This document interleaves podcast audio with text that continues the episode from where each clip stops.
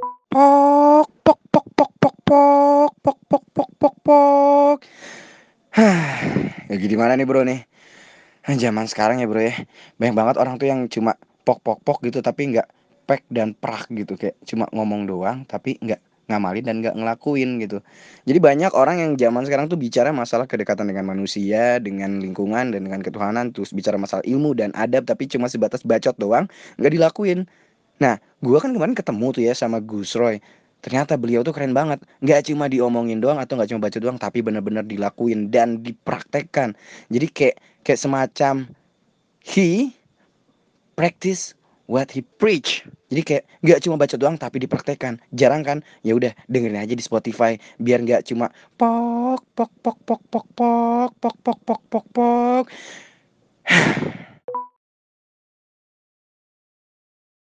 Kali ini kita sedang ada di pesantren ekologi Mis Miskat Al Anwar dan hari ini saya bertemu dengan Gus Roy. Dia adalah founder atau mungkin pimpinan di sini. Nah, beberapa hal akan kita tanyakan perihal masalah apa yang ada di pesantren ekologi ini. Mulai dari basis kurikulumnya sampai dengan perihal masalah ekologinya itu sendiri. Oke, Gus. Jadi begini, maksud kedatangan saya ke sini adalah ingin bertanya perihal pesantren yang ada di sini. Karena ini menarik Ya. ya. Saya cukup menarik ketika banyak berita gitu, banyak kabar dan informasi yang sampai ke teman-teman WTF itu tentang di Bogor ada loh salah satu pesantren ekologi yang dikelola atau dipegang oleh Gus Roy. Saya cukup tertarik kalau sama teman-teman bertanya tentang pesantren ekologis. Karena baru baru baru mendengar saya itu perihal pesantren ekologis yang ternyata di dalamnya itu ada pembelajaran tentang lingkungannya juga gitu, yang tidak melepaskan antara agama dan lingkungan itu sendiri. Ya. Nah, apa sih pesantren ekologi itu sendiri dan sejak kapan? Latar belakangnya kenapa harus membuat ini? ya ya ya makasih mas Eh, latar belakangnya tentu saja soal kegelisahan hari ini ya pertama soal kecenderungan pembangunan yang semakin abai pada kelestarian lingkungan. Semakin tidak peduli bahwa kita sekarang betul-betul pada fase yang memprihatinkan. Fase di mana umat manusia dan kebudayaan secara keseluruhan itu sedang dipertaruhkan sedang diperhitungkan. Ya apa itu? Antara lanjut apa nggak lanjut ini? Gitu. Antara mau menjaga lingkungan untuk kelestarian keberlangsungan kehidupan atau justru malah sebaliknya merusak. Nah ini kan pilihan-pilihan rasional yang mesti kita pilih ya hari ini. Nah pesantren ekologi itu sebenarnya lahir dari kegelisahan itu. Semakin hari tendensi umum dari pembangunan dari kebiasaan kita memproduksi makanan, mengkonsumsi apa pun yang menjadi aktivitas manusia hari ini itu kecenderungannya merusak gitu.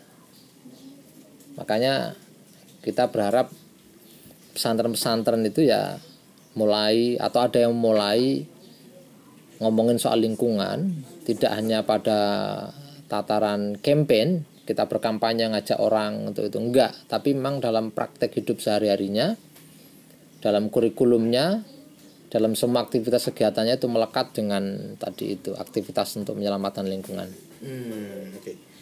Bicara soal kurikulum. Kurikulum apa yang sebenarnya dipakai di sini? ini kami menyebutnya sekolah alternatif mas. Nggak tahu alternatif atas apa orang nanya begitu. Alternatif alternatif atas apa gitu ya? Atas pendidikan kita hari ini. Saya kasih contoh singkat aja. Pendidikan kita itu kan selama ini menempatkan anak didik itu seperti kertas kosong dan kemudian kita mengisinya seturut kemauan kita gitu kalau kami di sini nggak itu membayangkan mereka itu seperti tumbuhan. Tugas kita ya sebagai orang yang menanam itu memastikan tumbuhan tadi itu dapat nutrisi yang baik dapat tanah yang baik gitu. Kita menyiapkan tanahnya menyiapkan pupuknya dan mereka biar tumbuh kembang sendiri gitu mas. Tentu saja kesadaran terhadap lingkungan itu nggak bisa dipaksa atau nggak bisa didiktekan tapi dipraktikkan diajarkan secara langsung gitu. Nah itu yang yang menjadi landasan kami beda dengan sekolah-sekolah lainnya yang apa ya istilah kami itu sekolah ala pabrik gitu mas. Kita menciptakan orang itu mau kita siapkan untuk menjadi sesuatu gitu kan. Menjadi A misalnya yang siap masuk dalam pasar tenaga kerja gitu. Kami nggak punya bayangan itu gitu. yang paling awal ya mereka menjadi manusia bisa bersolidaritas dengan temennya bisa belajar menjadi manusia yang baik manusia yang baik itu ya manusia yang tidak merusak lingkungan dan nggak merusak orang lainnya gitu. Nah itu yang kami sebut sebagai pendidikan alternatif itu. Yang kedua mereka ini subjek dari pendidikan ini. Mereka bukan objek kami. Enggak mereka subjek mereka merumuskan kurikulumnya bareng-bareng. Mereka bikin kelas itu bikin kesepakatan dengan gurunya. Mulainya jam berapa mau ngapain apa targetnya kita rumuskan bersama-sama. Artinya mereka menjadi subjek pada dirinya ya bukan diatur-atur. Tapi mereka punya visi bisa membangun visi dan mempraktekkan apa yang mau mereka capai. Itu yang menurut saya alternatifnya di situ kalau boleh mengklaim mas ya. Terus yang kedua beda dengan yang lainnya misalnya ukurannya bukan angka-angka, semua anak itu hebat ya, semua anak itu istimewa gitu. Kita nggak bisa ngukur satu anak ini lebih cerdas di mana yang lainnya dengan tolak ukur kita. Ya satu anak mungkin dia lebih pinter apa itu laptop misalnya, lebih pinter dengan teknologi, satu lagi lebih pinter di matematika, satu lagi lebih pinter di ilmu alam, ilmu sosial dan lain sebagainya. Ini kita nggak bisa ngukur mana yang lebih pinter dari mereka itu. Kalau solidaritas prinsipnya semuanya pinter. Dan semuanya bermanfaat sejauh visinya adalah menyelamatkan menyelamatkan lingkungan. Jadi misalnya ada anak Pak saya pengen mondok tapi nggak hanya bisa ngaji aja nggak hanya bisa bahasa Inggris bahasa Arab belajar dasar-dasar Islam tapi saya pengen menjadi ahli komputer ya bagus sekali gitu kan tapi targetkan bahwa itu untuk agenda penyelamatan lingkungan targetkan itu untuk keadilan sosial, bukan untuk akumulasi kapital. Nah, nilainya di situ. Nah, itu yang kami sebut yang ketiga sebagai value gitu. Nah, value itu kalau di sekolah pada umumnya kan nilai itu angka-angka, Mas. Kamu baik dikasih angka 7, lebih baik lagi angka 8, baik lagi angka 9. Padahal sikap moral itu kadang-kadang fluktuatif kan. Naik turun, kadang ya bener, kadang kurang bener. Tapi selama saya e, melihat mereka punya visi sudah baik gitu mereka akan jatuh bangun menghadapi situasi hidup yang mereka hadapi kan nah ketika mereka bisa konsisten dengan tadi prinsip-prinsip solidaritas mau merawat lingkungan uh, dia tahu soal tragedi of the commons gitu kan. tragedi kepemilikan umum yang sedang dirampas oleh uh, privat gitu kan. Kecenderungan privatisasi mereka nggak egois gitu. Mereka pengen sukses bersama. Sukses itu ya bareng-bareng gitu. Bukan saya enak temennya nggak enak itu nggak sukses itu. Saya makan sendiri temennya nggak bisa makan saya bahagia itu tidak sukses gitu. Nah ketika mereka bisa memahami nilai-nilai hidup itu ya kami sebut ya itulah nilai dalam pendidikan jadi kami mencoba secara tegas membedakan antara value dalam pengertian kapital modal dalam ilmu ekonomi politik ya dengan value dalam ranah kebudayaan atau pendidikan ini dua hal yang berbeda nah sekolah kita itu masih di angka-angka tadi itu dan cara-caranya juga mendikte kan Nah itu yang kami kami hilangkan di sini. Misalnya sholat subuh itu saya tidak pernah maksa anak untuk sholat subuh. Saya bangunkan kalau mereka emang nggak enak badan ya boleh nanti agak terlambat atau dengan cara yang lain karena secara fikih boleh gitu kan. Tapi apa dengan mengajari mereka membangun disiplin, melatih disiplin. Nggak ada penindasan itu nggak ada. Gitu. Bagaimana mungkin ngajak sesuatu yang baik tapi dengan cara-cara kekerasan misalnya, nggak bisa. Gitu. Caranya ya di, kalau saya ngajak nanam gitu ya, saya nanam duluan, saya megang cangkul duluan, saya kotor duluan gitu. Saya nggak nggak merintah mereka gitu. Nah mereka lama-lama ya tertarik gitu. Pelan-pelan ya memang anak sekarang mas ya nggak bisa langsung gitu, otomatis nggak bisa. Kalau kita itu berharap perubahan yang fundamental yang prosesnya itu pelan-pelan, nggak instan ya, semua instan itu nggak bagus mas itu. Makanya saya juga bersabar dengan para guru di sini itu bersabar mendampingi mereka. Kami menyebutnya bukan guru mas ini, pendamping belajar. Jadi tugasnya mendampingi mereka. Mungkin ya kurang lebih begitu mas. Keren. Ya. Karena uh, begini, Gus. Ini tuh cukup unik, unik banget malah dibandingkan dengan beberapa sekolah-sekolah yang secara formal yang saya temui, di mana para siswa itu kadang merasa terbebani ketika sekolah dan rata-rata juga siswanya ketika pulang ke rumah bukannya tambah pinter malah tambah pusing gitu. pusingnya juga bukan karena pusing mengerti gitu tapi Ya. karena ini terlalu banyak ya tugas segala macam. Tapi di sini saya ngerasa bahwa ada katakanlah eh, minat dan bakat itu benar-benar terarah ya. Anaknya mau ke mana ya silahkan di situ. Tapi pendalaman spesial dan spesialisasi itu mungkin yang akhirnya dapat membangun satu ekosistem ke depannya mungkin kali ya. Nah Gus. Bicara tadi perihal masalah sekolah ekologi dan juga pembangunan solidaritas. Memangnya searjen apa sih sampai keingin sampai ada kepikiran untuk membangun hal seperti ini gitu searjen apa kondisi hari ini Ya, saya itu ini mungkin oh, beberapa kan sudah pernah mendengar. Ini pengalaman personal saya. Ayah saya itu guru ngaji, mas. Seperti pada umumnya orang besar dalam latar belakang pesantren, ayah saya itu dan ibu saya itu ya orang pesantren, besar dalam lingkungan pesantren. Ayah saya dari masjid ke masjid, dari taklim ke taklim itu bicara soal Islam dan suatu ketika mengaji itu bicara soal eh, zaman akhir. Dan ibu terus kemudian saya tanya ke ibu saya emang bener zaman akhir? Gitu. Ini sudah zaman akhir udah mau kiamat gitu kan. Kamu harus taat beribadah kamu harus menjadi orang baik gitu. Waktu saya kecil saya sudah sanksi apa bener nih zaman udah mau kiamat sudah mau berakhir gitu kan waktu itu karena saya nggak punya perangkat pengetahuan tertentu nggak punya nggak belajar teori sosial nggak ngerti soal teori ekologi politik misalnya saya antara percaya nggak percaya gitu. Kenapa? Karena sejak kayaknya dari kiai-kiai dulu itu ngomong zaman akhir zaman akhir zaman nggak akhir-akhir nih. Nggak kiamat kiamat gitu lah mas. Nggak ada ya masih jalan-jalan aja fine fine aja baik-baik aja gitu lah mas. Nah setelah saya agak besar terutama saya setelah bergumul dan masyarakat ya. Saya paham betul ini memang zaman akhir. Tidak hanya buminya semakin tua tapi tingkat destruksinya semakin cepat dan semakin tinggi dengan skala yang sangat luas. Daya rusaknya itu sudah semakin eh, besar sekali. Akhirnya saya mengatakan bahwa ya emang mungkin ini zaman akhir. Dulu eh, para musonif itu ya para pengarang kitab yang ngomong zaman akhir zaman akhir mungkin nggak ada nggak ada landasan empiriknya. Tapi kalau sekarang ada landasan empiriknya. Ketimpangan spasial kemiskinan makin eh, makin banyak gitu. perusakan lingkungan juga di depan kita itu nggak ada habis-habisnya banyak petani dikriminalisasi. Luasan lahan para petani penggarap itu semakin kecil semakin kecil semakin kecil mereka ditransformasi dari masyarakat agraris ya yang subsistan menjaga lingkungan tadi itu menjadi masyarakat industrial. Nah itu yang mendorong bagaimana teknologi kalaupun bisa diciptakan itu dalam konteks penyelamatan lingkungan bagaimana mereka itu make manfaatkan pengetahuan-pengetahuan baru itu justru untuk menyelamatkan bumi. Seberapa urgent sangat urgent. Sekarang kalau bahasa pesantrennya itu labuda mas. Nggak bisa nggak. Nggak bisa tidak. Kita nggak bisa mundur hari ini tuh untuk menyelamatkan lingkungan apalagi kita sudah merasakannya di tengah pandemi COVID-19 ini. Ada intelektual namanya Arundhati Roy mengatakan pandemi ini portal.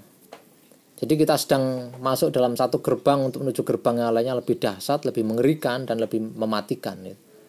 Nah ini konsekuensi harus diterima oleh umat manusia yang nggak mau hijrah gitu, nggak mau hijrah dari kecenderungan yang merusak itu menjadi kecenderungan yang merawat, nggak mau hijrah dari sistem ekonomi politik yang merusak, sistem kapitalisme itu menuju sistem yang lebih eh, lebih merawat, sistem yang yang menjaga, yang nilainya adalah solidaritas tadi.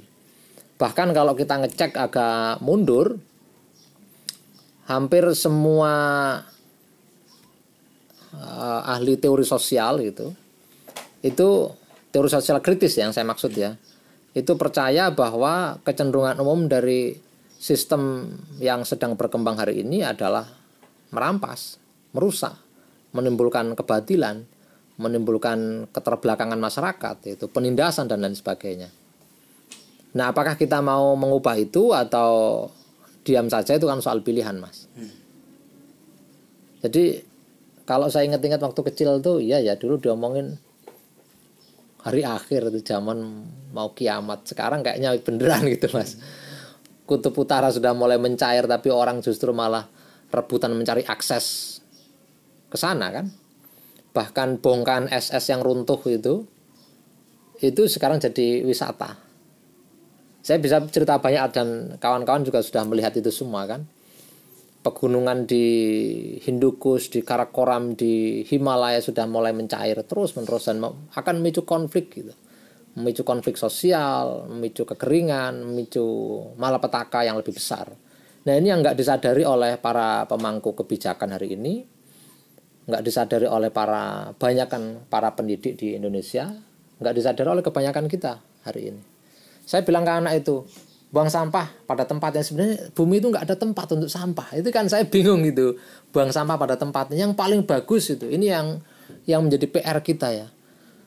Mudah-mudahan segera punya tanah yang cukup, kami mencoba hidup kolektif bersama eh, dengan anak-anak di sini itu mereka itu memakan dari hasil kebunnya sendiri bahkan kalau bisa itu bikin deterjen yang kita bikin sendiri yang ramah lingkungan gitu semuanya dari dari sesuatu yang alami.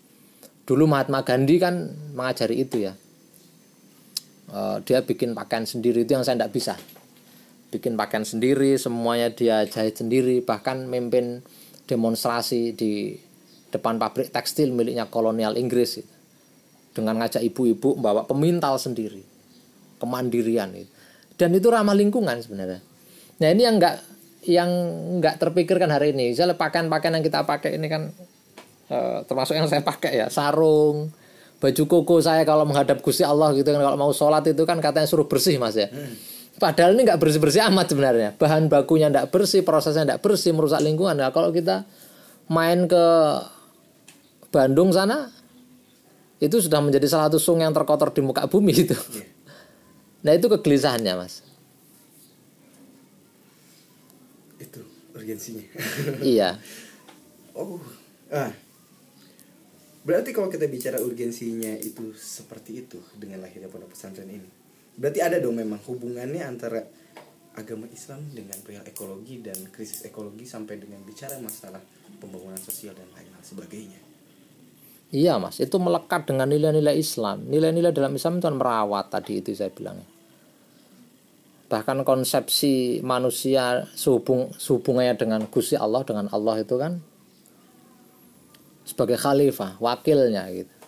Karena wakilnya tugasnya merawat bukan seolah memiliki gitu dengan semau maunya gitu. Enggak. Kita itu diuji diberi mandat untuk merawat. Kalau kita berhasil merawat ya kita lulus ujian. Kalau enggak ya enggak gitu mas. Dan di ayat yang lain sudah diprediksi emang yang merusak itu manusia. Ya pantas lah yang merusak itu manusia karena burung-burung nggak ada yang merusak gitu hewan-hewan yang lainnya selain manusia nggak merusak gitu.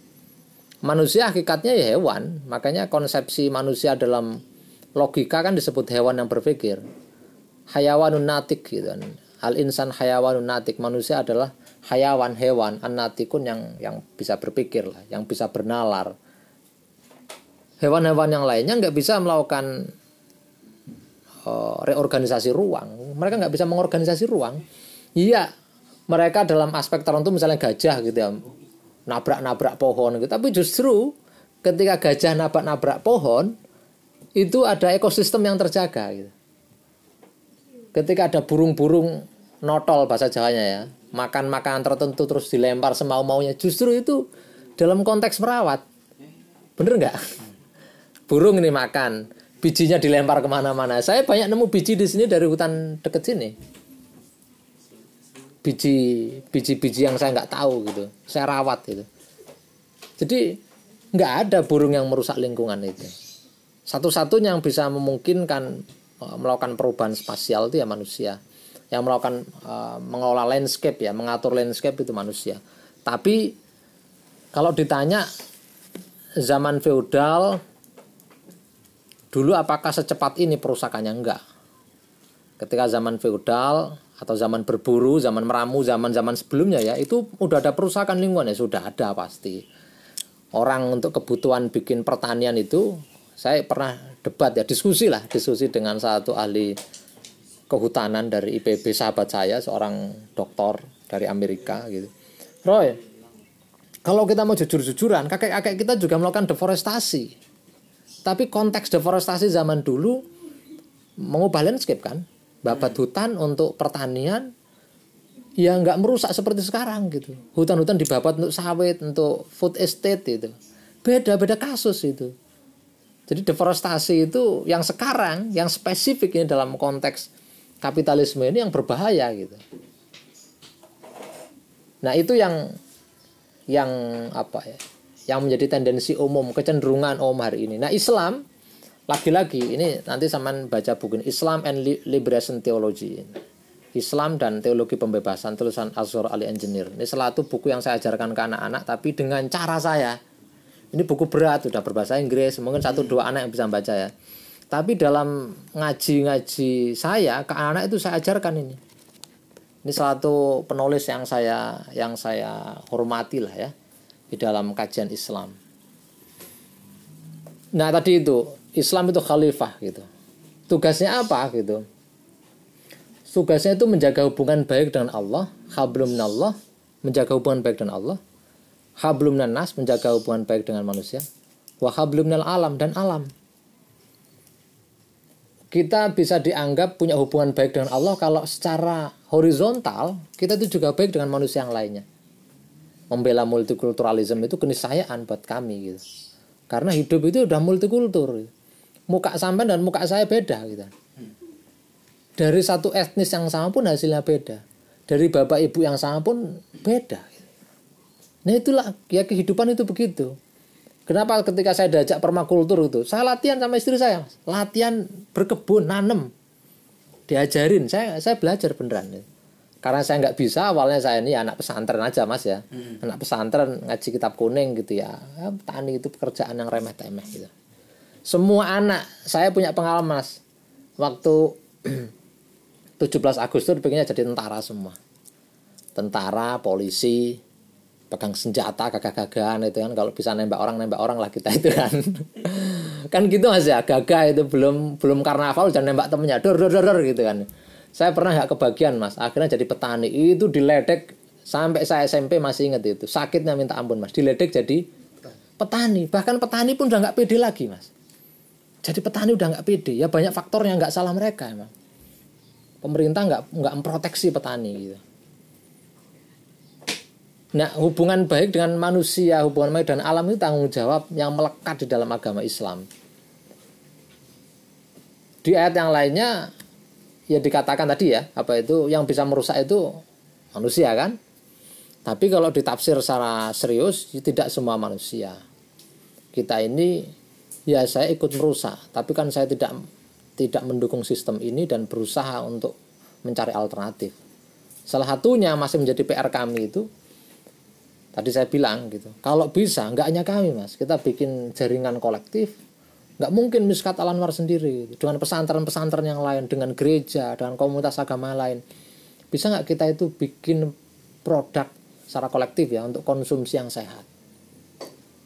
Yang bisa terjangkau bisa nggak nanti itu deterjen kita itu nggak merusak lingkungan? Gitu gitu loh mas. Pewangi kita ini hmm. merusak itu mas. Pewangi yang kita pakai untuk nyuci baju koko yang mau saya pakai sholat ini kan juga merusak gitu loh mas.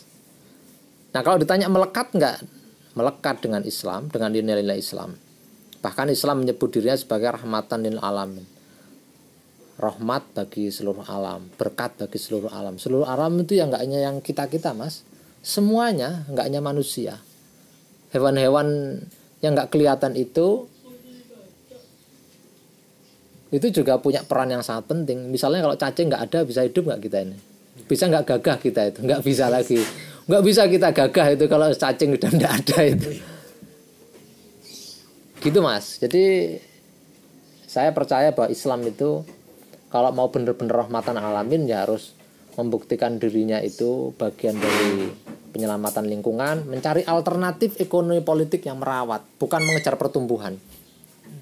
Kalau dorong pertumbuhan ya pasti habis mas kita ini. Nggak cukup bumi ini.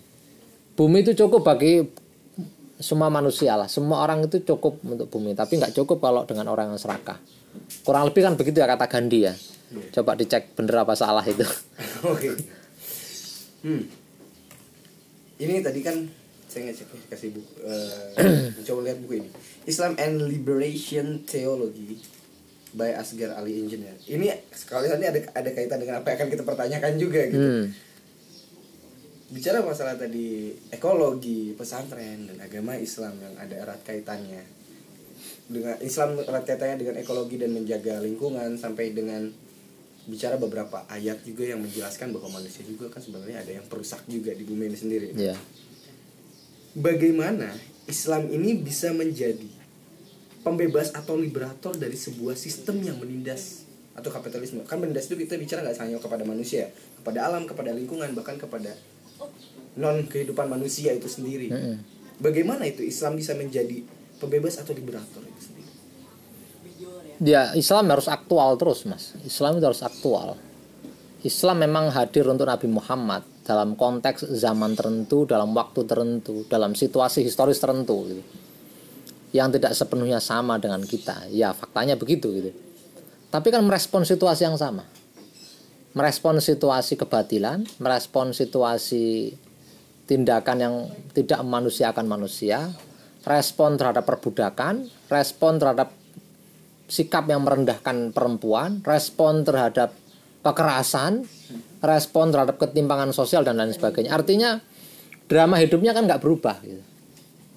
Jadi saya, ya tentu saja kita baca banyak tafsir mas ya. Saya juga menganjurkan anak-anak ini yang nanti pengen jadi uh, fukoha, yang pengen jadi mufasir, mereka akan berkembang dengan caranya sendiri-sendiri. Tentu saja mungkin nggak di sini karena kami memberikan landasan-landasan dasar-dasar Islamnya dulu. Saya bilang kalau kamu mau belajar menjadi mufasir, kamu harus tekun baca teks-teks ini gitu. Uh, mufasir ini ini ini saya kasih tahu. Tapi meskipun begitu, kita mesti melihat atau men, apa ya, membayangkan, membaca Al-Qur'an itu seperti Al-Qur'an itu sedang berdialog dengan kita. Biar aktual terus gitu. Kurang lebih yang dihadapi Rasulullah kalau kita nyari di asbabun nuzul dan asbabul wurud ya kalau di hadis ya. Hadis-hadis itu kan muncul dalam situasi aktual. Quran itu juga muncul dalam situasi yang aktual. Kan nggak mungkin satu gepok itu diturunkan. Gitu kan? Misalnya ini Quran gitu kan. Saya turunkan bluk, terimalah Muhammad bertapa gitu kan enggak. Nabi Muhammad itu dapat wahyu itu tidak dengan cara bertapa aja, Mas. Duduk bertapa terus keluar dari pertapaannya terus dapat kitab gitu, terus cerita ke orang-orang tentang kitabnya ini gitu kan enggak. Bayangkan kalau ini kitab tadi itu kalamullah tadi itu meskipun Al-Qur'an itu kalamullah tapi diturunkan kurang lebih 23 tahun. Di atas dua, ya puluhan tahun lah ya, yang jelas lama gitu. Nah, kenapa kok lama itu? Karena menghadapi situasi yang aktual. Ada persoalan turun ayat. Nggak ada, nggak ada ceritanya itu ayat dulu terus ada persoalan. Nggak ada gitu. Ada ayat baru ada persoalan baru ada ayat. Hadis juga begitu karena ada peristiwa. Bahkan semua dalam tradisi Islam itu orang percaya jangan sekali-kali menafsir Al-Qur'an di luar konteks ayat itu kan selalu dipesankan di pesantren itu. Guru-guru saya pesan begitu. Gitu ada asbabun nuzulnya peristiwa ini peristiwa ini. Nah kemiripan kemiripan peristiwa itu kan ada dengan sekarang oh zaman dulu karena begini karena ada pengkhianatan maka turun ayat ini. Oh kalau begitu kita mesti melihatnya caranya begini juga gitu loh mas. Jadi ini panduan moral Al-Quran hadis itu panduan moral yang harus kita aktualkan terus dalam apa? Dalam peristiwa hidup yang kita hadapi hari ini. Sama dengan Rasulullah waktu itu.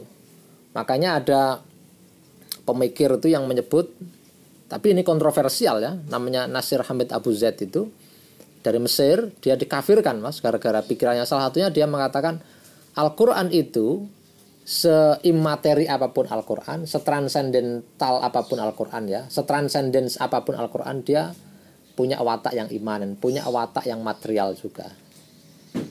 Jadi dia kurang lebih mengatakan Al-Quran karena dia merespon situasi historis, maka Al-Quran itu produk budaya dan memproduk budaya. Karena ada situasi tertentu kan direspon ya. Karena itu dia menjadi produknya dong.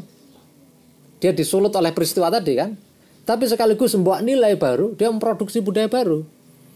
Memberikan perspektif baru. Misalnya ada penindasan, ada ketidakadilan. Al-Quran datang nih. Ada pelecehan terhadap orang lain, Al-Quran datang gitu kan.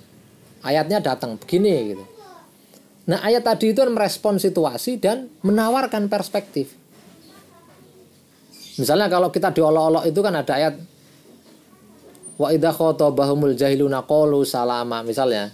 Ketika kamu dihina gitu kan. Ketika ada orang jahil orang yang bodoh datang kepadamu yang mengganggu gitu.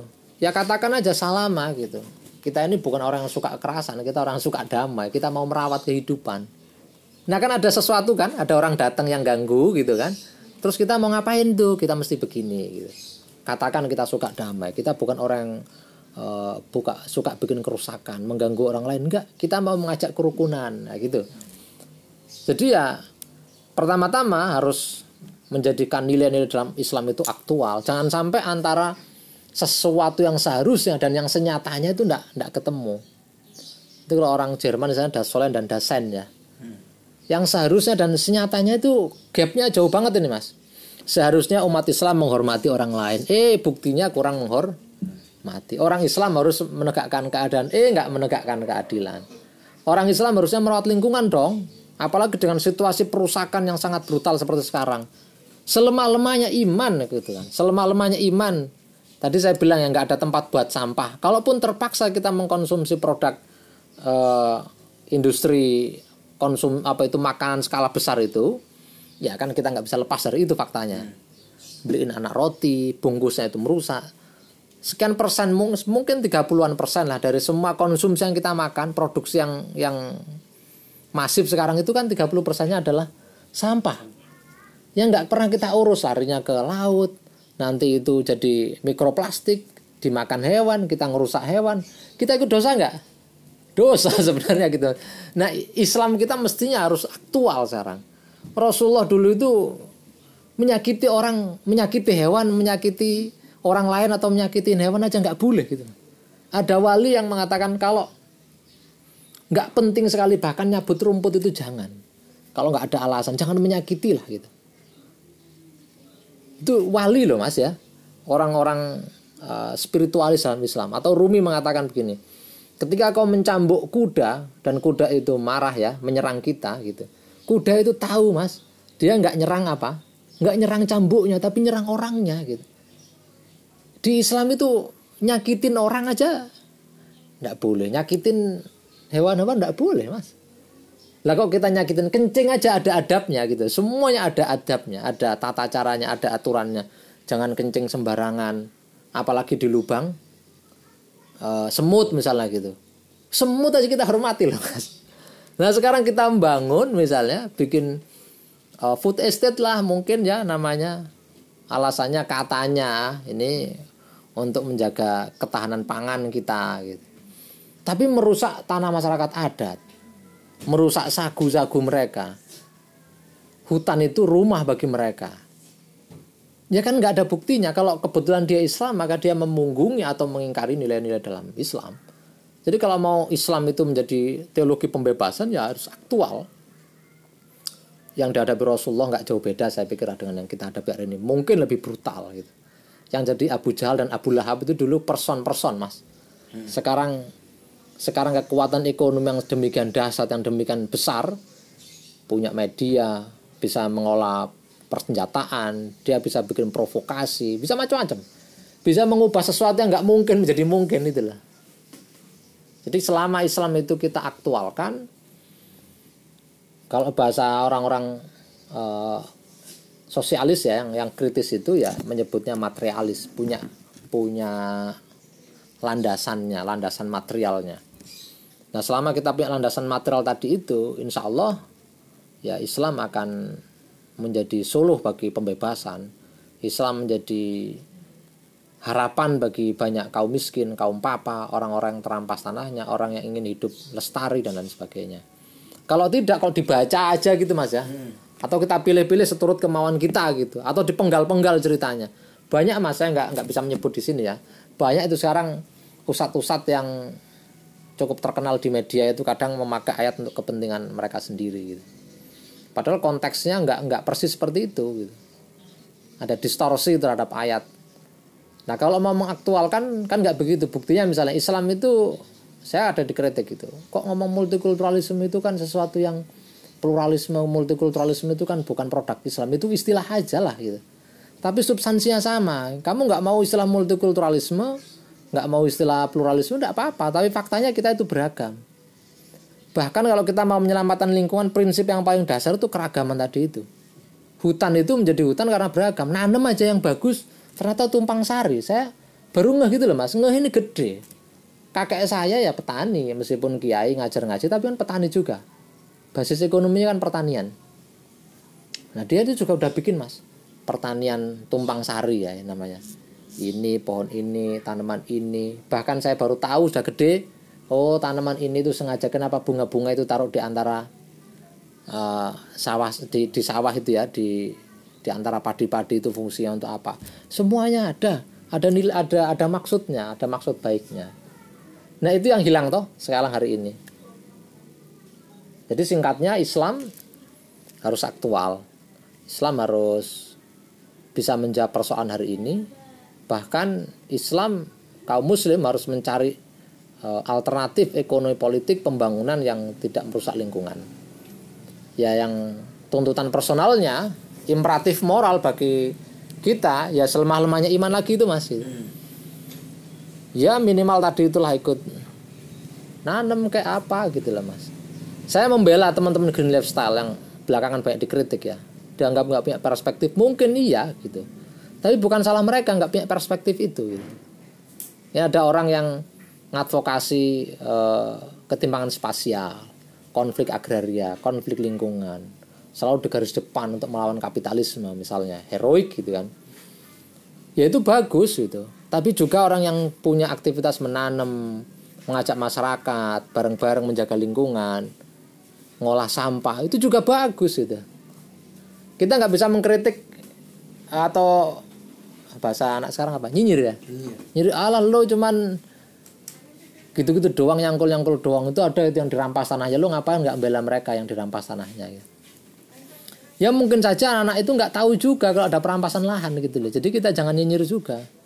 Apa itu cuman bikin inisiatif ngumpulin sampah-sampah dibecek-becek terus dibikin kursi? Apa istilahnya itu? Ekobrik ekobrik aja. Itu kan juga sampah lo kumpul-kumpulin juga satu rumah nanti itu nggak ada. Itu bukan solusi itu kalian mumet-mumet sendiri itu gitu. pikiranmu lagi nggak bener itu kalau penyelamatan lingkungan kok ekobrik itu misalnya. Ya faktanya ekobrik ya mas. Kalau kita kerjakannya nggak nyelesaikan masalah gitu. Tapi apa-apa itu nggak baik itu itu satu pintu satu gerbang kita untuk bicara sesuatu yang lebih besar. Jadi ada dua kubu menurut saya hari ini di gerakan lingkungan kita itu yang nggak ketemu. Yang mereka mestinya itu bersilaturahim diskusi gitu mas.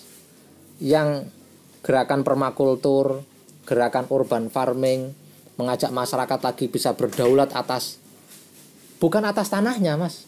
Tapi seenggak-enggaknya mereka dikasih latihan bikin popok sendiri, benih sendiri. Saya dikritik kemarin Allah Gus Roy nanam-nanam benihnya kan juga beli ke perusahaan-perusahaan besar. Iya, beberapa ada yang beli, beberapa saya inisiatif bikin sendiri. Ya maklum lah, kita ini kan belajar gitu ya pelan-pelan. Nah kalau sudah bisa, kalau perlu kita punya jaringan nanti itu jaringan benihnya kita kuasai pupuknya kita bikin sendiri. Ngapain kita pakai benih perusahaan-perusahaan besar yang juga dalam aspek tertentu ikut merusak lingkungan gitu.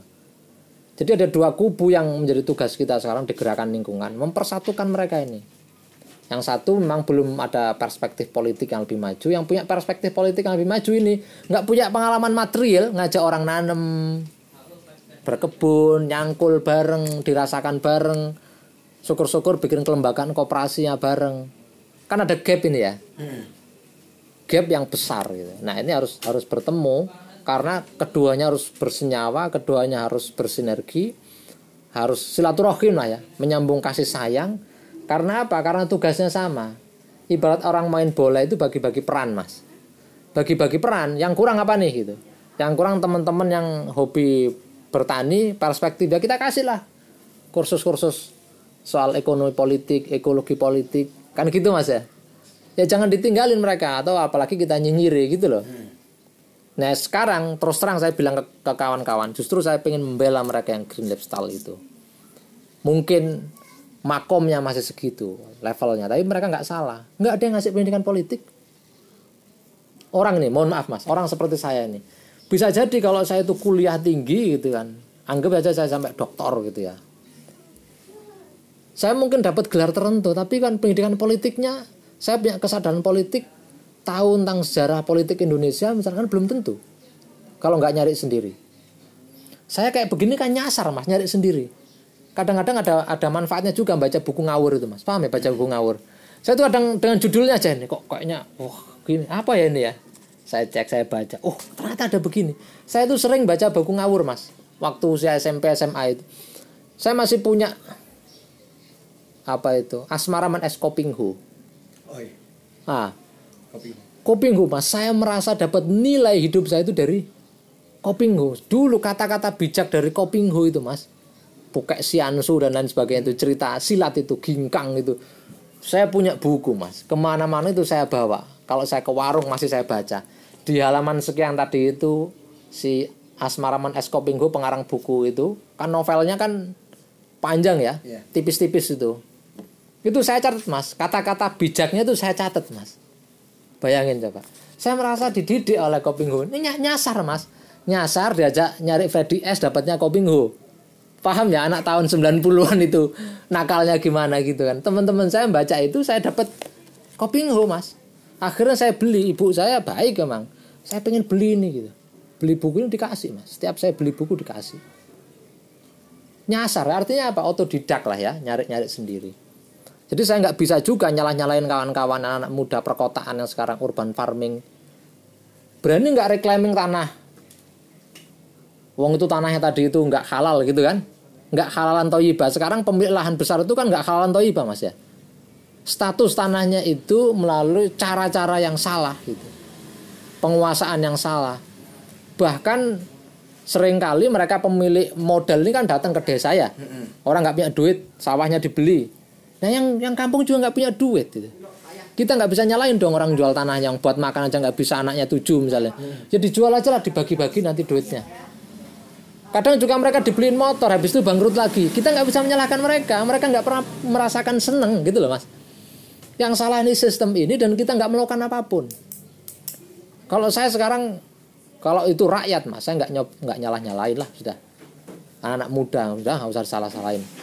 Gus itu ada yang kontak mas itu. Kami bikin gerakan menolak sedotan plastik. Lucu ya, lucu mas ya. Menolak sedotan plastik. Uh, tapi saya terima mas. Saya ikut ngurususi mereka, paham ya mas ya. Gus gimana pengalamannya nggak pakai sedotan plastik? Nah saya cerita di sana mas di forum itu. Wah saya setuju itu karena saya minumnya pakai metode ngokop. Saya bilang gitu. Gimana pakai sedotan?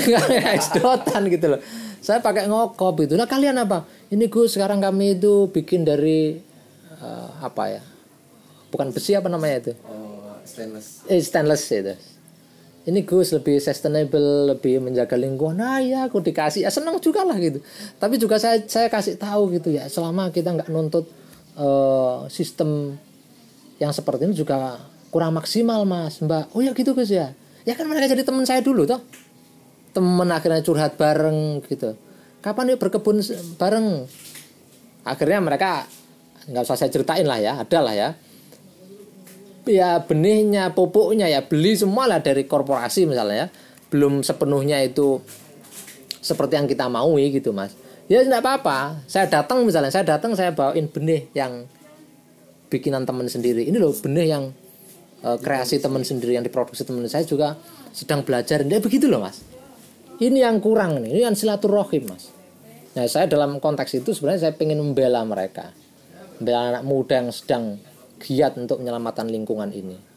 Nanti pelan-pelan status pengetahuannya ini ditingkatkan, gitu mas. Ada gap ini harus di- diselesaikan. Silaturahim dulu. Wong perusahaan yang berantem aja bisa silaturahim mas ya. Awalnya musuhan gitu kan ya. Tapi kalau punya kepentingan ekonomi dan politik tertentu mereka join gitu. Masa kita susah banget untuk silaturahim. Gusur aja silaturahim dulu kok. Kenapa? Mau ada penggusuran aja silaturahim dulu. Silaturahim. Oh, ada. Oke, berarti secara garis besar nah, kalau Islam untuk menjadi pembebas atau liberator ya paling utama adalah pembangunan silaturahim dulu ya satu dengan yang lain. Iya, iya itu meng- mengaktualisasi Islam ya salah satunya itu silaturahim. Nah, kita masuk ke eh udah berapa menit kurang lebih? Oh, 48. Pertanyaan di luar ini ini agak sulit. Nggak sih nggak sulit. Eh, ini kita pertanyaan di luar dari pembahasan yang tadi perihal masalah pesan ekologi dan pergerakan sendiri. Pandangan Gus pribadi. Ya. perihal masa sebelumnya kan ada beberapa kejadian di Indonesia itu mulai dari pe- perampasan lahan, pembebasan lahan yang akhirnya malah menjadi jalan dan lain hal sebagainya untuk kepentingan industri dan lain-lain. Sampai akhirnya kita sempat mendengar 2019 itu ada rancangan, rancangan undang-undang juga lalu di 2020 Omnibus Law. Ya. Pandangan Gus perihal masalah Omnibus Law, perihal masalah peraturan yang kali ini ada di Indonesia sampai dengan akhirnya terbangun beberapa keinginan dari entah siapa gitu akhirnya menghilangkan lingkungan menomorduakan lingkungan akhirnya banyak terjadi kerusakan tapi ada alasan sebenarnya yang mereka keluarkan adalah ini akan menghasilkan lapangan pekerjaan Hmm. akhirnya kan ada konflik batin lah kalau lebih di kita kalau misalnya nggak ini nanti orang nggak bisa kerja Hmm. padahal secara nalar mungkin yang memang sudah membaca dan banyak hal udah ngeliat ke belakang bahwa pekerjaan itu kan sebenarnya domestifikasi kapital aja gitu Ya. Nah, pandangan gue sendiri itu tentang pola-pola seperti ini tuh bagaimana gitu? Ya, ya menolak Mas. Itu kan kebijakan neoliberal. Sekarang rezim kita ini rezim neoliberal militeristik. Jadi punya tendensi yang militeristik juga meskipun ada orang yang membela bahwa ini enggak lah beda dengan orde baru. Ya beda. Tapi mewarisi watak yang hampir serupa mewar- mewarisi watak yang sama. Itu yang pertama. Yang kedua omnibus law. Yaitu undang-undang predatoris. Kalau dulu ada istilah apa itu birokrasi predatoris ya ini undang-undangnya predatoris undang-undangnya tidak dipakai untuk menyelamatkan masyarakat menyelamatkan warga negaranya justru malah dipakai untuk menjadi karpet merah bagi kepentingan investasi besar terutama di sektor ekstraktif. Sekarang misalnya ada rebutan nikel batu bara juga masih berlanjut. Padahal kita itu komitmen untuk mendorong transisi energi. Eh, Indonesia juga terlibat dalam perjanjian Paris itu itu komitmennya kan nggak ada semua jadi kalau dalam konteks demokrasi ini berbahaya. Undang-undang ini apa itu undang-undang minerba dan undang-undang eh, cipta kerja omnibus law itu. Omnibus law itu kan skemanya. Meringkus undang-undang ratusan undang-undang dan eh, mungkin ya ribuan pasal yang dianggap tidak sesuai dengan kebutuhan pasar gitu. Tidak sesuai dengan kebutuhan investasi ya semua pemerintah hari ini ter- eh, juga pemerintah Indonesia itu argumennya adalah untuk meningkatkan pembangunan untuk akumulasi kapital untuk eh, menyerap tenaga kerja yang semakin semakin tinggi di di Indonesia. Apalagi alasannya lagi ya yang sering di, di, di- dikatakan oleh pemerintah sekarang usia produktif semakin banyak dan mereka semua butuh lapangan pekerjaan. Jadi orang-orang yang nggak ngerti apa yang se- sesungguhnya terjadi ya dibikin galau gitu loh mas. Padahal ya itu watak dari kapitalisme. Watak dari kapitalisme itu di dalam kapitalisme itu sudah mengandung krisis ya. Jadi menyimpan krisis. Jadi modal itu kan bukan benda. Modal itu proses yang hanya ada dalam gerak. Modal itu berfungsi ketika dia bergerak. Ketika sirkulasinya terhenti dia nggak bisa bergerak nilainya lenyap dan secara keseluruhan sistemnya juga menjadi rusak kan begitu. Ini teorinya kan begitu. Nah tujuannya modal untuk bergerak itu untuk apa? Ya biar biar nggak macet. Makanya ketika terjadi over akumulasi maka harus dilimpahkan ke tempat yang lebih kondusif secara ekonomi dan politik. Jadi tujuan utamanya itu ya biar modalnya terus bergerak, biar nggak mandek. Bukan justru orang mengatakan wah ini menciptakan lapangan pekerjaan, mendorong oh, menghilangkan ketimpangan, mengentaskan kemiskinan enggak gitu. Ada banyaklah buku yang termasuk buku yang sedang saya baca nih. eh, kritik atas pembangunanisme ini. Itu membuktikan bahwa selama ini investasi-investasi itu enggak banyak manfaatnya untuk masyarakat. Lebih banyak madorotnya ketimbang manfaatnya. Lebih banyak membuat bencana ketimbang menyelamatkan kehidupan rakyat atau lingkungan. Nah bukti yang paling konkret ya omnibus law ini orang bertanya-tanya apa dan siapa di balik omnibus law kami di teman-teman aliansi bersihkan Indonesia itu sampai melacak mas. Omnibus law ini siapa orang-orangnya gitu. Ketuanya namanya Rosan Ruslani orang yang sangat dekat bahkan menjadi bagian dari bisnis keluarga Bagri bisnis tambang keluarga Bagri nah nggak lama setelah omnibus law disahkan beneran perusahaan tambang tadi itu Arutmin ya itu diperpanjang statusnya bahkan menjadi IUPK gitu. di kawasan yang sekarang terjadi banjir di Kalimantan Selatan. Jadi siapa yang diuntungkan dari semua ini gitu? Ya para pemilik modal bukan rakyat. Kenapa lingkungan itu diabaikan? AMDAL dihilangkan. Ya karena itu menghambat bagi kepentingan investasi. Semua yang menghambat ya ya dibuang. Kan tujuannya kan memperlancar mempercepat laju investasi. Punya target tahun sekian uh, pertumbuhan ekonomi Indonesia sekian gitu. nanti Indonesia menjadi raksasa ekonomi global. Gitu-gitu kan ngimpinya. Padahal kalau dicek ya itu bukan untuk kepentingan kita. Untuk kepentingan segelintir orang. Nah saya punya data yang saya baca nggak hanya di Indonesia bahkan di negara-negara lainnya terutama di Amerika Latin investasi itu mbak malah petaka mas. Tidak mengentaskan kemiskinan justru menciptakan kemiskinan. Nah masalahnya wacana semacam ini kan nggak banyak di Indonesia. Ada kumpulan ekonom rakyat lah ekonomi kerakyatan ada yang ngomong ekonomi Pancasila ada namanya ekonomi sosialis. Macam-macam lah ya yang dianggap yang disebut ekonomi yang nggak mainstream ya yang heterodoks itu terutama yang tradisi sosialis itu masalahnya nggak pernah dibaca lagi. Nggak pernah di bukan menjadi percakapan umum di Indonesia. Ya wajar ya apalagi setelah peristiwa 65 itu kan semua yang dianggap dari tradisi kritis itu dilarang. Orang nggak nggak boleh lagi baca buku-bukunya Marx gitu. Bahkan ekonomi Marxis juga sekarang sedikit sekali dibicarakan. Bahkan mungkin kita punya ekonom yang punya tradisi heterodoks juga sangat kecil, gitu loh mas. Jadi kalau sikap saya jelas menolak gitu. Menolak kenapa? Karena itu merusak.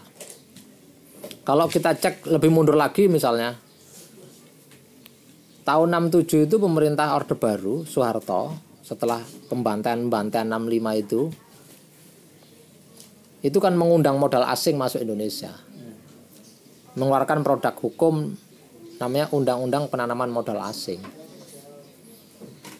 Nah, itu agenda awal atau mula dari semua malapetaka sosial, ekonomi, dan politik di Indonesia. Di tempat yang lainnya juga Soeharto melepas gunung yang sangat penting bagi masyarakat masyarakat suku Amungme dan suku Kamoro namanya Gunung Nemangkawi gunung itu dilepas ke perusahaan Freeport yang ditambang dan sampai sekarang menjadi salah satu lubang di antara lubang-lubang besar di muka bumi. Gunung itu gunung yang disucikan oleh masyarakat adat di sana, masyarakat adatnya disingkirkan. Tendensinya sama gitu, kecenderungannya sama. Jadi undang-undang cipta kerja omnibus law itu memang menciptakan pekerjaan, pekerjaan bagi siapa? Bagi para pemilik modal. Kalau dulu undang-undang ketenaga kerjaan sebelumnya itu tolak ukurnya adalah upah minimum sekarang diganti upah maksimum. You nganggur saya kasih kerjaan tapi bukan upah minimum ya ukurannya upah maksimum. Lu segitu segitu aja upahmu itu nggak usah harus bersyukur lah udah dikasih kerjaan. Terus yang lain lagi misalnya begini orang nggak ngecek misalnya antara perampasan tanah dengan dengan kondisi masyarakat yang dirampas ini masih masih pengamatan singkat yang dilakukan teman-teman. Ya saya terlibat di situ. Coba kita lihat orang-orang yang digusur misalnya. Digusur oleh bandara di Kulon Progo. Habis itu ngapain mereka? Mereka itu petani kecil dan petani menengah. Statusnya ya. bukan petani kaya petani kecil sama petani menengah nah setelah mereka digusur para petani lari ke mana gitu loh dibayangkan mereka ditransformasi menjadi masyarakat industrial kan menjadi pekerja industri. Bahkan sering kali diiming-imingi nanti kalau PLTU didirikan Anda memang nggak bisa jadi nelayan tapi bisa bekerja di PLTU jadi security dari tukang bersih-bersih. Nanti diserap tenaga kerjanya gitu. Dalam banyak kasus misalnya di PLTU gitu yang saya cek orang-orang itu. Berapa persen anak pemuda situ yang yang bekerja di situ? Nelayan-nelayan ini orang yang kebanyakan ya petani dan nelayan kita ini yang kurang terdidik mas ya. Secara pendidikan ya. Ya bukan salah mereka lagi-lagi mereka korban itu. Tapi dengan begitu aja mereka lebih makmur ketimbang mereka kerja di PLTU gajinya misalnya cuma 3 juta 4 juta. Itu kecil nelayan tuh gajinya gede-gede mas uangnya. Orang yang punya keramba kerang hijau misalnya di Cirebon sama di Brebes. Sini ya yang berbatasan antara Brebes Cirebon itu. Itu nyari duit itu mereka menyebut keramba kerang hijau mereka itu seperti ATM mereka. Tinggal nyemplung dijual udah bisa beli laptop kata dia. Hariannya ya besar itu. Harian yang pekerjanya hariannya rata-rata 200 sama juga dengan petani yang tadi di Klon Progo jadi apa mereka sekarang dibayangkan akan diserap di tenaga kerja formal. Enggak semua yang diserap tenaga kerja formal. Yang lainnya apa ya? Jadi gelandangan mas. Nah sayangnya sekarang ada ada politik bahasa yang dipropagandakan rezim ya rezim neoliberal nih. Saya tidak anti dengan figur ya dengan satu dua orang enggak lah. Ini soal sistem soal rezimnya. Siapa pun yang memimpin Indonesia kalau masih ya, targetnya akumulasi ekonomi masih disetir oleh kepentingan global ya begini-gini aja. Itu sekarang istilahnya bukan ganti rugi orang digusur itu ganti untung. Bahkan satu desa yang kemarin digusur oleh Pertamina ya di Tuban itu itu diceritakan berulang-ulang di di media. Wah sekarang menjadi desa miliarder gitu. Orang bisa beli beli mobil. Ya, tapi cek ke sana berapa persen orang yang dapat ganti rugi Terus orang apakah tahu nanti itu dijadiin apa gitu? Apa mereka sudah mikirkan resiko-resikonya gitu? Kalau misalnya eksploitasi dan eksplor, eksplorasi dan eksploitasinya itu di dekat perkampungan mereka atau berdampingan dengan rumah mereka, bagaimana itu resiko-resiko itu sudah diperhitungkan? Apakah perusahaan termasuk Pertamina ya, anggap aja ini milik negara gitu, tapi kan juga join dengan pihak swasta dari Rusia. Gitu. Apakah terbuka dengan masyarakat? Enggak, enggak pernah itu terbuka. Itu agenda-agenda pembangunan yang mereka sebut pembangunan itu enggak terbuka. Jadi omnibus law wajib ditolak hukumnya, Mas. Ini batil.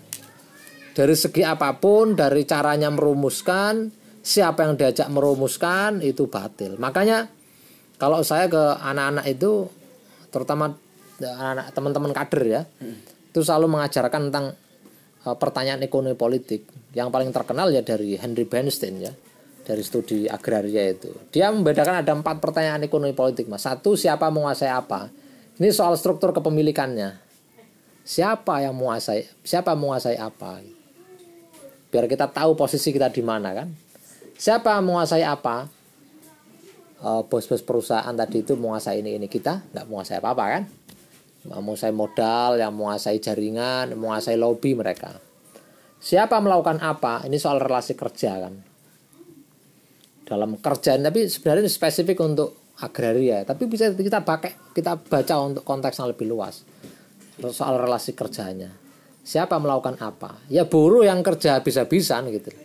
Ya mereka yang punya modal yang ongkang kaki gitu mas. Siapa mendapatkan apa? Ini akumulasi keuntungannya.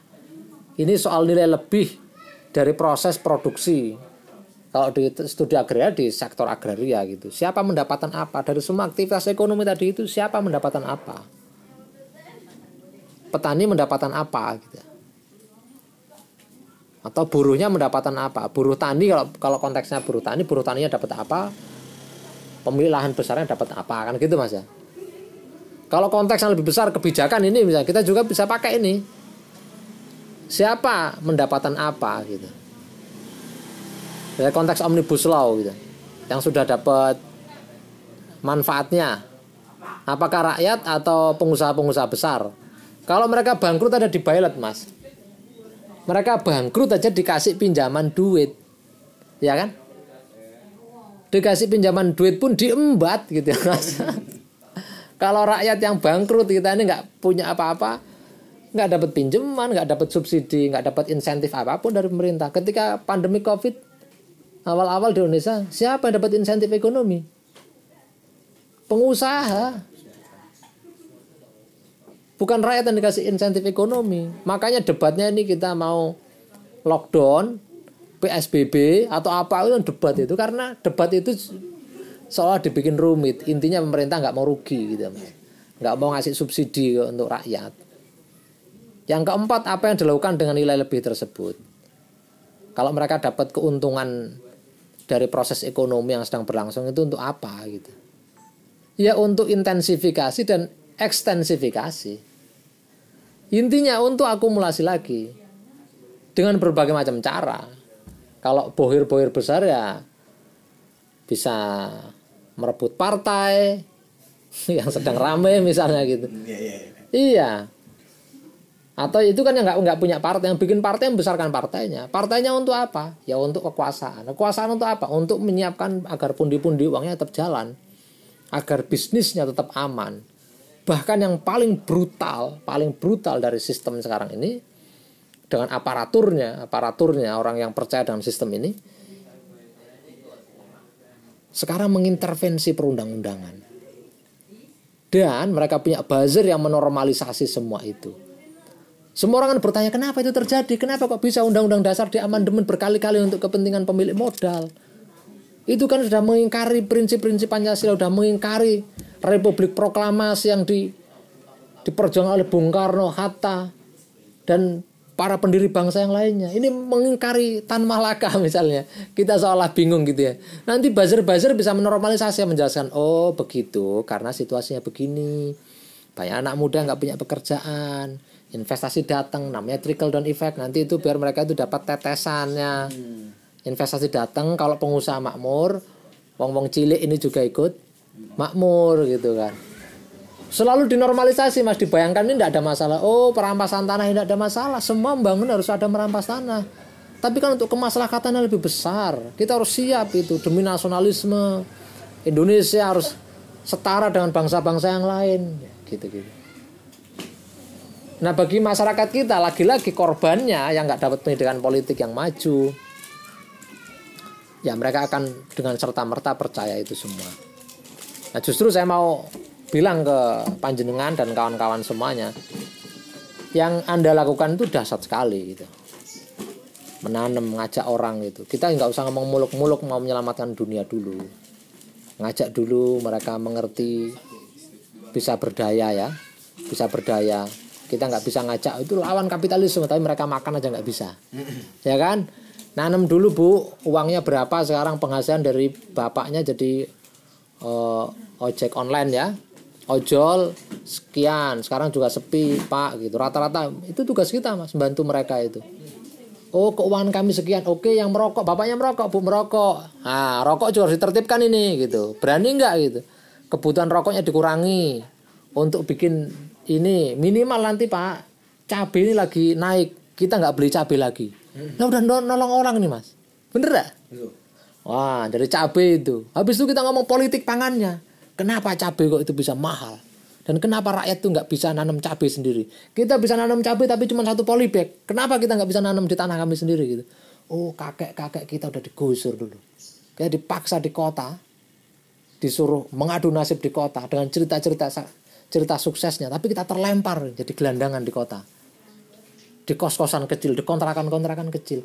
Jadi jangan muluk-muluk dulu ngajak orang belajar nanam sendiri, nggak beli. Coba kalau beli cabai, beli bawang. Saya nanam mas, bawang mas. Saya potong-potong jadi masak ya separuh, bawangnya potong-potong. Itu kan namanya iseng-iseng berhadiah, ya enggak? Iya. Iseng-iseng berhadiah, nggak ngapa-ngapain, cuman apa sih gerakin tangan sama uh, bikin pupuk. Bikin pupuk nggak usah ribet nggak bisa bikin pupuk bokasi misalnya. Anak-anak ini ya kalau habis eh, masak-masak itu tak suruh minggirin yang yang organik itu. Nanti kita jadikan pupuk gitu. nggak nggak ribet nggak ada satu yang ribet. Kalau mau gerak. Ini malahan saya bayangin kalau pihak rezeki mas nanti kalau bisa kita kolaborasi. Ngajak orang-orang itu eh, apa ya? Bikin apa ya? Nyari belut itu apa namanya mas? Ya kita nyari bibitnya belut itu loh mas. Jadi biar mereka itu punya belut atau punya lele punya apa gitu di rumahnya masing-masing. Memang kemarin saya gagal nyoba gagal. Tapi bukan berarti itu juga itu saya salah treatment gitu mas. Saya salah treatment. Tapi kalau bisa kan masyarakat nanti itu di lahan yang sempit tadi itu bisa punya sayurnya sendiri punya ikannya sendiri gitu loh mas. Beli drum aja kecil-kecil gitu. Yang yang kuat. Belut kan kuat banget itu mas. Belut kan kuat kan? Iya. nggak perlu dikasih oksigen banyak kan juga masih hidup dia kan? Nah gitu. Apakah lele atau apa? Itu kan banyak inisiatif inisiatif begitu. Nah itu menjadi pintu masuk untuk kita ngomong yang lebih besar. Wow. Lu luar biasa bulan. ya kita ngomong alur ngidul aja mas sebenarnya Eh, ada ada pertanyaan terakhir sih yang saya ingin pertanyakan ke Gus. Ini sempat ngobrol sih sama teman. Waktu itu di pesantren juga ngobrol sama teman dan sempat ngobrol sama ya salah satu ustaz juga. Hari ini kan semua kalau kita ngukur dari ranah produktivitas dan lain-lain, produktivitas dan lain-lain sampai ketika pola bagaimana orang mau produksi di situ ada orang yang dipaksa untuk menjadi buruh dan segala macam. Menilainya. Itu kan subhat akhirnya yang yang terjadi hari ini itu banyaknya subhat gitu ya. Ya apakah yang kita makan hari ini atau yang kita konsumsi yang kita pergunakan hari ini kita mem- kita harus bertanggung jawab juga ke depannya. Dalam artian ketika dia mau hisap gitu. Iya. Dengan tingkat subhat hari ini Iya, dan kalau nggak salah ya mungkin saya lupa gitu Gus Uh, Ustadz tuh bilang Al Ghazali atau siapa yang bilang bahwa ke depan itu semua udah subhat udah nggak ada yang benar 100% halal bagaimana kita harus menyikapinya dan apakah benar nanti ke depannya kita akan bertanggungjawabkan itu juga? Ya, tadi saya agak menyinggung sedikit ya, emang yang bisa melakukan perusakan itu manusia, tapi tidak semua manusia. Secara nggak langsung kita ikut merusak, karena ini kan efeknya determinan ya, efeknya itu eh, seperti lingkaran setan yang nggak nggak bisa diputus seolah-olah ya. Misalnya kita anak-anak kita itu kalau jajan yang mengkonsumsi sesuatu yang memang adanya begitu. Makanya sering kali orang ngomong merayakan kebebasan, justru saya mengatakan kita nggak pernah bebas sekarang ini. Semua serba diawasi, semua bahkan selera lidah kita pun ditertibkan, diatur, didikte oleh kepentingan modal besar. Bahkan ngomong nikmat sama enggak itu lidah kita, lidah anak-anak ini udah beda mas. Dia nggak bisa merasakan apa itu makanan grade pertama yang dari tanaman langsung bisa dimakan. Mereka nggak punya pengalaman makan wortel langsung gitu, nggak enak. Gitu. Udah apa? Dididik oleh mie instan, oleh permen-permen yang kebanyakan glukosanya tadi itu merusak giginya, merusak tubuhnya. Ya mereka mengatakan nikmat ya itu. Gitu. Jadi memang kita udah dikepung dari banyak aspek. Tapi apakah kita berdosa? Kita merasa bersalah iya, tapi secara langsung itu merusak kan nggak ikut kita mas. Tapi kalau kita sudah tahu dan terus kemudian nggak berupaya meninggalkan yang subhat tadi itu ya ya buruk efeknya buat kita secara iman, secara moral. Apalagi tanggung jawab kita ada hadapan Tuhan sebagai khalifah gitu kan. Jadi konsekuensi moralnya berat gitu loh mas. Itu yang pertama. Yang kedua mesti dilacak siapa yang bikin kerusakan itu. Yang pertama-tama bikin kerusakan, yang bikin semuanya jadi rusak tadi itu nggak nggak terang antara yang hak dan yang batil itu. Misalkan begini, kita akan makan produk dari eh, Mive ya, Eh, Merauke Integrated Food and Energy Estate ya, yang di Merauke itu kan babat hutan di sana 1,6 juta hektar lahan yang setara dua kali setengah luas Jakarta itu akan dibabat gitu. atau telah dibabat. Kalau itu dijalankan betul itu kan dari proses merusak lingkungan gitu. Dan kita sengaja mendukung itu menganggap itu sesuatu yang baik dan kita ikut merasakan hasilnya misalnya itu bagaimana gitu. Itu juga pertanyaan pelik sebenarnya mas tapi nggak perlu kita jawab hari ini itu tugasnya para fukoha mas para ahli fikih untuk berkumpul bikin batsul masail nggak bisa jawab orang per orang sama juga dengan kita ikut memasak tempe, memasak tahu, semua yang kita makan di dapur kita itu pakai minyak yang tidak sepenuhnya baik juga. Merusak hutan, ya kan? Dari kelapa sawit kan itu kan? Padahal kita sudah lama tidak menjadi produsen lagi. Orang nggak punya lagi kapasitas untuk menjadi produsen dalam aspek apa pun, aspek mental, moral, material nggak bisa. Oke, saya sadar, saya mau jadi produsen, saya nggak mau uh, konsumsi sawit lagi gitu. Dari mana saya punya lahan untuk nanam kelapa saya? Lahan saya udah dihabisin. Oke, kalaupun saya punya lahan gitu kan. Seberapa mampu saya itu ngajak orang lain misalnya. Paling kan untuk kebutuhan saya sendiri, untuk keselamatan saya sendiri. Jadi prosesnya ini kan panjang Mas ya. Menurut saya kita lacak dulu siapa yang membuat dosa ini. Ya mungkin kita masih ikut mengkonsumsi tapi kita batasin. Sembari ikhtiar mencari alternatif. Gitu Mas. Ya saya misalnya selama saya belum bisa nyari alternatif semua aktivitas kita ini merusak ya Mas. Coba sekarang kayak pandemi begini. Baiknya emang nggak pakai kendaraan bermotor Mas. Baiknya ya. Tapi kan belum bisa kita. Pemerintah nggak mau bikin public transportation yang baik nggak punya itikat ke arah sana. Coba di Bogor aja nertipin lalu lintas aja nggak bisa. Nertipin loh mas, itu muka kita loh. Ini kalau kita ngomong kebudayaan ya angkot itu kebudayaan kita. Jangan ngomong kebudayaan itu puisi gitu loh mas, kejauhan kalau saya itu mas. Kebudayaan itu praktek hidup kita sehari-hari itu loh. Itu cerminan dari cita rasa kita ya. Cita rasa kita tentang keindahan, tentang keadilan, tentang persaudaraan.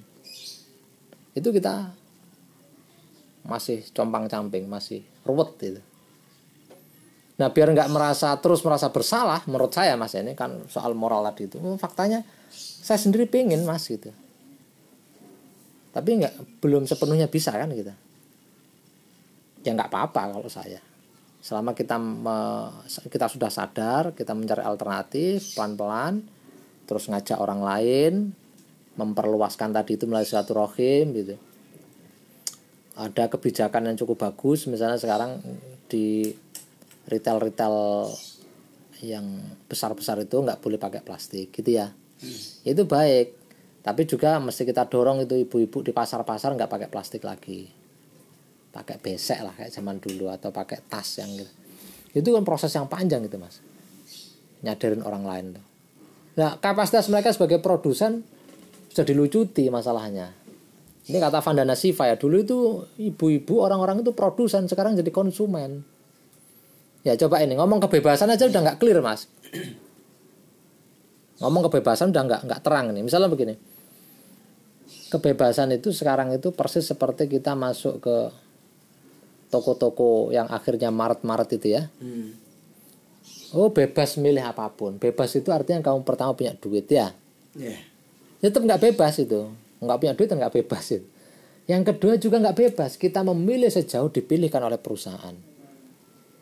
Oh saya lebih suka pakai uh, deterjen ini karena aromanya ini lebih menurutku lebih cocok buatku gitu. Yang satu lagi begitu, oh aku nggak mbak suka yang ini karena di kerudungku ini lembut deterjen ini. Coba dicek sama-sama Unilevernya. Artinya kita dipilihkan oleh Unilever.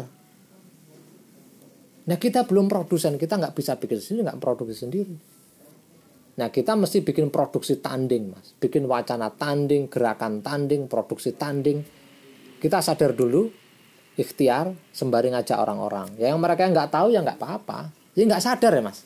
Yeah. Coba sekarang nggak sama jelasin, apa hubungannya sampah plastik botol minum air kemasan itu dengan tubuh mereka? Kan nggak nyambung itu. Yeah panjang itu jelasinnya mas. Oh itu nanti jadi mikroplastik nanti itu merusak pori-pori tanah nanti itu kalau mencampuri saluran air bagaimana? Nanti kalaupun kita jelasin begitu emang bener mas? Bagaimana fakta dan datanya? Lah kan ribet lagi kan? Yeah. kita harus nyariin orang yang bisa jelaskan begitu bahkan saya cerita itu kok bisa itu di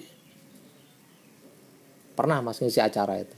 Anak SMA anak SMA sekarang kan sukanya kan cantik sendiri cantik wangi untuk dirinya mas. Tapi mungkin rumahnya jorok kamarnya jorok dia nggak peduli. Yang penting dia wangi cantik untuk dirinya. Dan dia mereka nggak punya upaya untuk bersih itu nggak ini acara waktu itu saya ngisi acara zero waste lifestyle nah itu anak-anak itu. Akhirnya saya jelasin oh kok bisa ya gitu? Oh iya ya. Sedotan kita tadi itu kemungkinan kan nggak nggak nggak kelola dengan baik nanti masuk ke sungai sungai dibawa ke laut semuanya numpuk di laut akhirnya kecolok deh ke hidung penyu misalnya gitu kan. Kan saya tontonin yang viral itu kecolok penyu kecolok sedotan. sedotan gitu gitu mereka baru punya kesadaran. Terus pampers yang dipakai sama bayi sama perempuan. Perempuan pakai pampers kan? Pembalut maksudnya. Kan sama pampers juga itu. Itu kan merusak ratusan tahun akan apa ya bertahan di tanah gitu. Bahkan ketika orangnya sudah mati kita semua mati semua itu masih ada masih ngerusak gitu loh mas. Nah bayangan ke sana kan susah. Terus saya, saya jelasin terus gimana Gus Roy? gitu alternatifnya ya mestinya bikin popok sendiri bikin ribet juga ya. Nah gitu loh mas. Bikin pembalut sendiri. Contohnya saya kasih contohnya ini ada ini gerakan bikin pembalut sendiri dicuci lagi cuci pakai juga. Aduh ribet banget enak sekali buang aja lah udah nggak peduli. Yang penting aku bersih gitu. Ya mental kayak begitu memang sudah diciptakan dibentuk oleh sistem kapitalisme ini. Hmm. kalau bisa beli kenapa bikin sendiri kalau bisa beli sayur aja kita nggak jelas asal usulnya ngapain pula kita capek-capek nanem? Semuanya begitu. Jadi memang ada rasa bersalah mas. Orang seperti saya juga berulang kali merasa bersalah. Tapi kan kita juga harus punya kemampuan maafkan diri sendiri toh. Kita itu berbuat semaksimal mungkin sebaik mungkin sehormat hormatnya yang bisa kita lakukan lah. Tapi saya percaya uh, dunia nggak akan segera kiamat kalau anak muda itu masih giat masih banyak ketemu orang-orang seperti anda semua ini yang mau ngajak orang untuk menjaga lingkungan ya berarti masih ada harapan untuk menyelamatkan dunia living in the end times hidup di akhir zaman yang dibayangkan mau kiamat itu kayaknya nggak buru-buru kiamat itu. kayaknya masih ada kesempatan lah oke okay.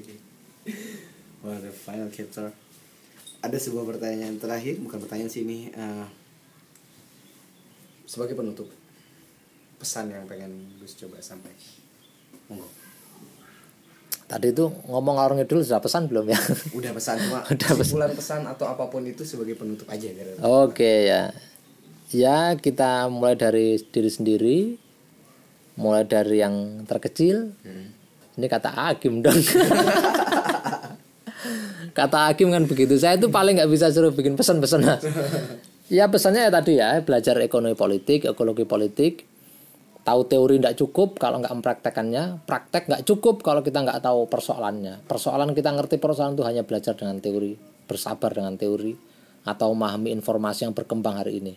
Kalau enggak ya pincang mas. Hmm. Satu ngomong teorinya tapi nggak punya pengalaman konkretnya. Yang punya pengalaman konkret gitu-gitu aja itu juga nggak solutif gitu. Nah dua-duanya mesti ketemu, dua-duanya harus kita kerjakan tapi seperti kata Hakim harus mulai dari diri sendiri, mulai dari hal yang terkecil, yang ngajak ngajak tetangga lah, ngajak orang yang bisa kita ajak untuk bersih bersih, untuk merawat lingkungan. Terima kasih. Oke, terima kasih banyak dan podcast kali ini kami tutup. Gimana? Udah nggak cuma pok pok pok pok doang kan habis kita ngobrol dengan Gus Roy. Dan sebelumnya kita kan ngobrol dengan Kang Yoyo juga. Jadi ada dari sisi budaya tradisi juga ada dari sisi agama. Dan karena ini pembahasannya berat sih ya lumayan berat bagi gue berat. Ah gimana kalau nextnya kita bakalan bahas dari sisi yang lain. Dan dari sisi musisi gitu tentang mereka terhadap alam dan lingkungan.